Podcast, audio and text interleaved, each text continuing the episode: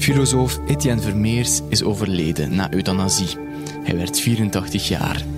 Ongeveer anderhalf jaar geleden sprak fotograaf Lieve Blankaert met Etienne Vermeers over zijn intieme kijk op leven en dood. Het gesprek is nooit eerder naar buiten gebracht, tot nu. De morgen brengt het in een podcast van drie afleveringen.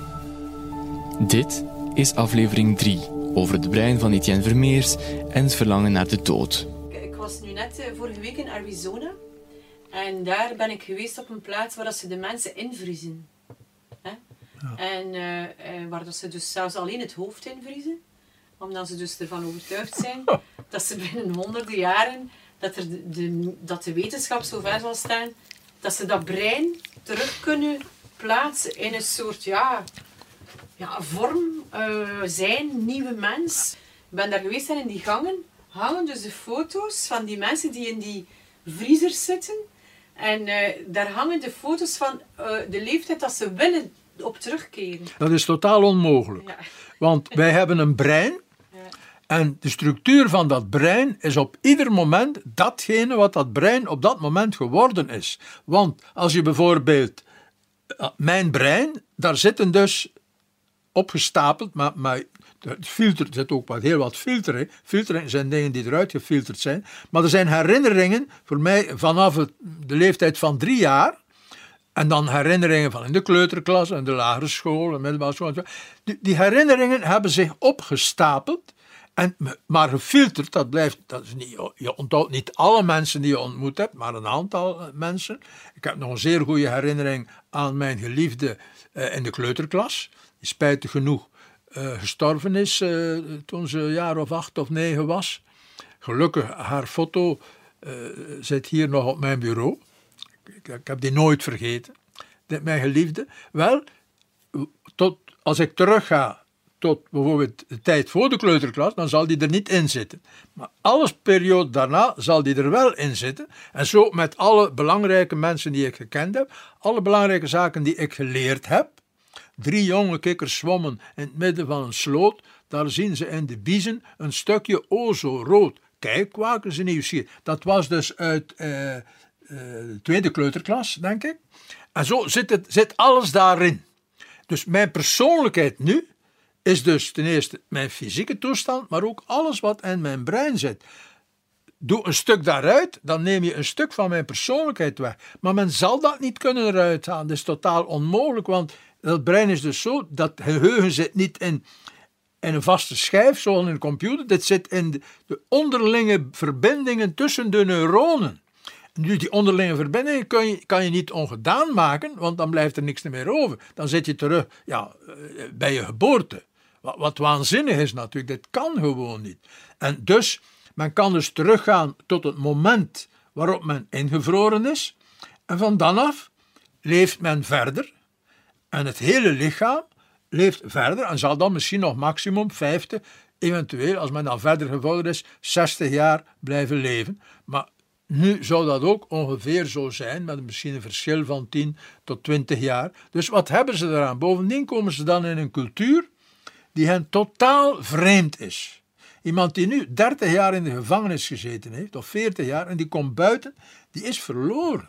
Die moet van alles leren. Als die over de straat wandelt, ja, die weet niet van die tijd, dat waren nog niet zoveel auto's, dus die kan ieder ogenblik overreden worden. Die, die kent de wegcode niet meer, zoals ze nu is, die kent niets meer.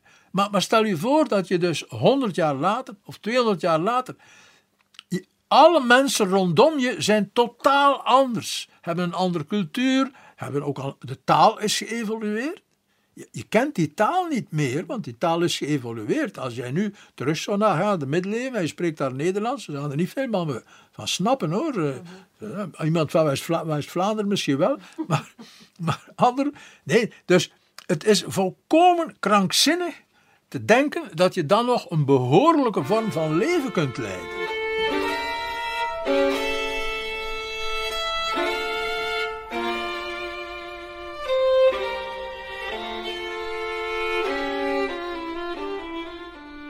Ik heb met veel plezier en vanuit zeer veel belangstelling gestudeerd over de dood in de verschillende culturen. Dat is begonnen met mijn licentie klassieke filologie, waar ik onderzocht heb wat het zielsbegrip was en het begrip over wat er gebeurt er met de doden in de Griekse tragedie en eigenlijk in de Griekse literatuur in het algemeen. En daar heb ik gemerkt dat men in feite ervan overtuigd was dat de zielen naar Hades gingen, naar de onderwereld, maar dat is geen positief leven, dat is gewoon een, bestaan van negaties. En meer hadden die niet als uh, geloof in een leven na de dood. En dat is juist hetzelfde in het Oude Testament. Er is een Sheol, waar alle doden naartoe gaan en men leeft daar een bestaan zonder licht, zonder, zonder jeugd, zonder warmte. Dus een bestaan van negaties. Niks anders dan negaties. En dan is uh, bij, bij Zarathustra die idee ontstaan van uh, een wederopstanding van de doden. Soms ook een onmiddellijk oordeel na de dood, waar u over de Sinvatbrug moet gaan. Dat is een brug met een heel, heel fijn koordje. En, en wie de goede kunnen eroverlopen en aan, de, aan, de, aan paradise belanden, en de anderen vallen eraf. En in de islam bestaat dat ook voor een deel, die gedachte. Want in de islam, de islam is een beetje een samenraapsel van christelijke ideeën, joodse ideeën en, en zoroastrische ideeën.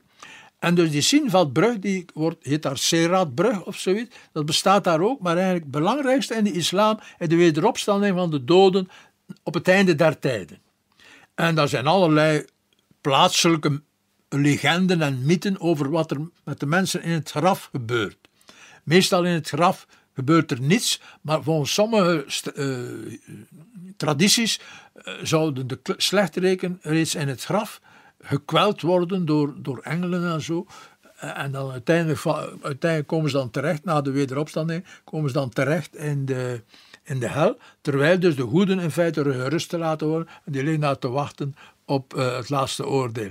Maar, maar dat, die traditie, wat nu alweer wereldwijd de meest bekende is, dus van het laatste oordeel en in het christendom van onsterfelijke ziel, die dus onmiddellijk na de dood uh, onsterfelijk is.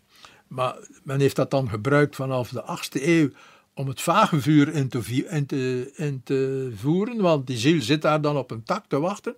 En men heeft dan gezegd, wel, ze kunnen intussen een beetje branden.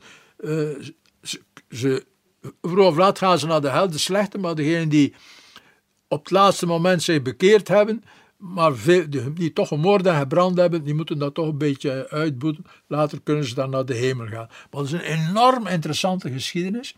Maar alle vroegere uh, geloofshoudingen bij de primitieve volkeren, die meestal in de richting gingen dus van zo'n soort onderwereld, ofwel een voortbestaan van de voorouders onder de vorm van een soort geesten.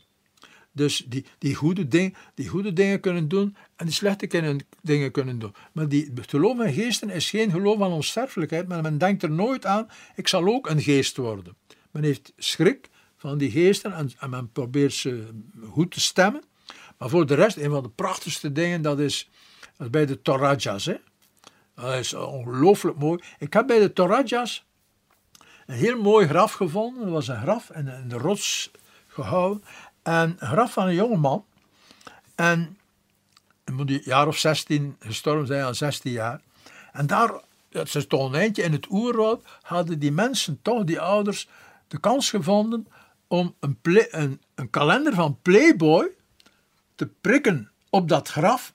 En als de wind waaide, kon je dus die blote vrouwen zien opwaaien. En die ouders zullen dan, je moet daar niet te veel, maar die ouders zullen zeggen, die jongen heeft dat nooit gehad.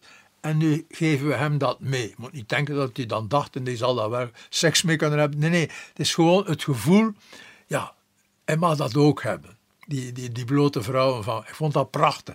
Dus het, het spontane menselijk gevoel dat men toch iets voor die doden probeert te doen, hoewel men weet dat het eigenlijk niet gaat. Maar bij de Torajas hebben de doden, je ziet daar die prachtige beelden die, die, die, van die doden die kunnen geven en krijgen eh, en die dan zorgen voor, voor het dorp en zo. Ik vond dat wel prachtig. En dat is een beetje uh, wat bij veel andere volken gebeurt, maar meestal niet in een dergelijke expliciete vorm. Maar dat is bij de, wat men noemt de primitieve volkeren. Maar de andere volkeren hebben dus vooral ja, ja, die Zoroastrische gedachte. En dan in China natuurlijk ook een vooroudercultus. Dat is heel belangrijk, de vooroudercultus. Maar het is omdat we studeren, ik kan daar nu niet te diep op ingaan, maar het is ongelooflijk interessant. Ongelooflijk interessant.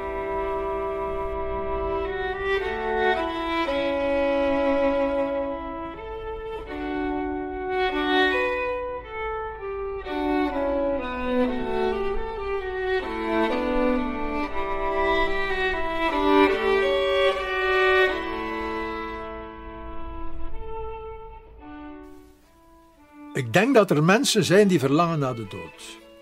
Het is nou helemaal zo, en dat is nu een thematiek die de laatste tijd sterk aan de orde is, omdat men spreekt over de, het begrip levensmoeheid. Er is in Nederland uh, uh, zijn een aantal gevallen geweest. Er is ook de, de, de zogenaamde pil van Drion, waarvoor men pleit dat men een pil zou kunnen nemen als men dat. Uh, ben daar geen voorstander van, omdat zo'n pil het eigenlijk een beetje te gemakkelijk maakt. En ook mensen die plots een depressie hebben, zouden dat kunnen nemen, terwijl dat, dat van voorbijgaande aard kan zijn. Maar er zijn mensen die op een bepaald stadium in hun leven komen. Er is dan nu een wetsvoorstel van D66, dat men vanaf 75 jaar zou kunnen euthanasie vragen om levensmoeheid. Volgens de Belgische wetgeving moet je dus een ongeneeslijke aandoening hebben door ziekte of ongeval, ongeneeslijk, om euthanasie te kunnen krijgen en ondraaglijk lijden. Maar in Nederland pleit men nu dat men vanaf 75 euthanasie zou kunnen krijgen, enkel en alleen wegens levensmoeheid. En het doet zich geregeld voor. Er zijn mensen die zeggen: kijk, het leven zegt mij niets meer. Ik heb het allemaal gehad en nu is het alleen maar kommer en kwel. Men hoeft daarom niet hevig ziek te zijn, maar men heeft allerlei kwaaltjes. Men, men ziet niets meer positiefs in het leven. Veronderstel, je, je geliefde is gestorven. En ja, er zijn al verschillende aanvragen geweest van euthanasie van een echtgenoot of echtgenote na de dood van de echtgenoot of echtgenoot. Die zegt, ik wil ook sterven. Ik wil niet alleen achterblijven. Dat is een gevoel dat tamelijk frequent zich voordoet. Er zijn mensen die zeggen, ik zal dat niet overleven. Er zijn er die het vanzelf niet overleven. Er zijn er die er op een duur dan toch in kunnen schikken. Maar er zijn er ook die werkelijk de wens hebben om samen met de geliefde te sterven. Dat is dus een van die vormen van levensmoeheid, dus van doodsverlangen. Er is dat prachtige gedicht van, van uh, eh, P.C. Boutens, hè? Goede dood, wiens zuiver pijpen door het verstilde leven boort, die tot glimlach van begrijpen alle jong en schoon bekoort, voor wie kinderen en wijzen lachend laten boek en spel, voor wie maar verkleumde grijzen huiveren in hun kille cel. Prachtig gedicht? Het bestaat dus al heel, de bouw, dus dat is 19e eeuw, die gedachte dat men de dood zou kunnen wensen, komt nu en dan voor. En de laatste tijd is, wordt er meer de gedachte dat men dat recht zou moeten hebben. Om dus eh, vreedzaam te kunnen heen gaan op het einde van wat men het afgerond leven uh, noemt. Dus, hè. Persoonlijk uh, zie ik dat helemaal niet zitten. Ik zie het alleen maar zitten, dat einde te wensen, wanneer ik inderdaad, het, wanneer de, de som van lijden groter is dan de som van ja, geneugten of genoegens of vreugde die je nog kunt kennen. Bovendien, als je geen verantwoordelijkheden meer hebt, als je weet, ik vind persoonlijk, als je nu bijvoorbeeld de dood wenst, maar je weet dat er mensen zijn die onnoemelijk veel verdriet zullen hebben als je naar de dood toe gaat, dan persoonlijk vind ik je moet met dat verdriet ook rekening houden. En ik, ik, ik vind dat als men een dergelijke wens zou uiten, bijvoorbeeld vanaf een zekere leeftijd en vanaf een zekere ja, moeilijkheid om te leven, moet men eigenlijk, vind ik, maar dan moreel gezien, de toestemming hebben van de naasten, dat zij zeggen, wij, we vinden dat ook, dat het leven voor jou niet meer leefbaar is. We vinden ook dat het beter beëindigd wordt. En dan moet dat volgens mij kunnen. Pas op, een wet in die richting, dat zal nog lang duren, omdat het, er kunnen allerlei misbruiken uit voortvloeien. Maar principieel ethisch vind ik het begrijpelijk dat iemand voor wie het leven. Veronderstel dat ik blind word, dan kan ik helemaal niet meer werken. Kan ik nog naar muziek luisteren. Maar als ik dan ook doof word, ja, dan is er niks meer dan zeg ik, ja, dan mag het voor mij gedaan zijn. Hoewel dat geen terminale ziekte zijn, hè? maar ik zou zeggen, ja, voor mij mag het. Er is daar de jongen geweest met uh, multiple sclerosis, waar, waar ik uh, die film over gemaakt heeft. Dat is een volkomen aanvaardbare zaak. Op een bepaald moment, hij had nog een jaar kunnen verder leven, maar op een bepaald moment heeft hij gezegd, de som aan lijden, vergeleken bij wat ik nog positief kan beleven, dat, dat weegt niet meer door, dat positieve. Het negatieve weegt door.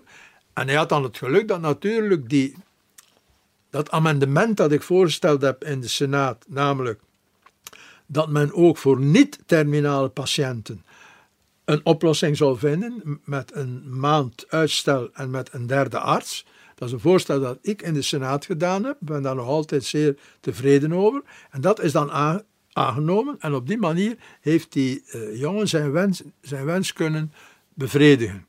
En in die zin vind ik dat zinvol. Dus voor mij zou het ook zo zijn. Zodra de som van lijden en van ongemak zeer sterk doorweegt ten overstaan van het, ja, wat nog positief overblijft.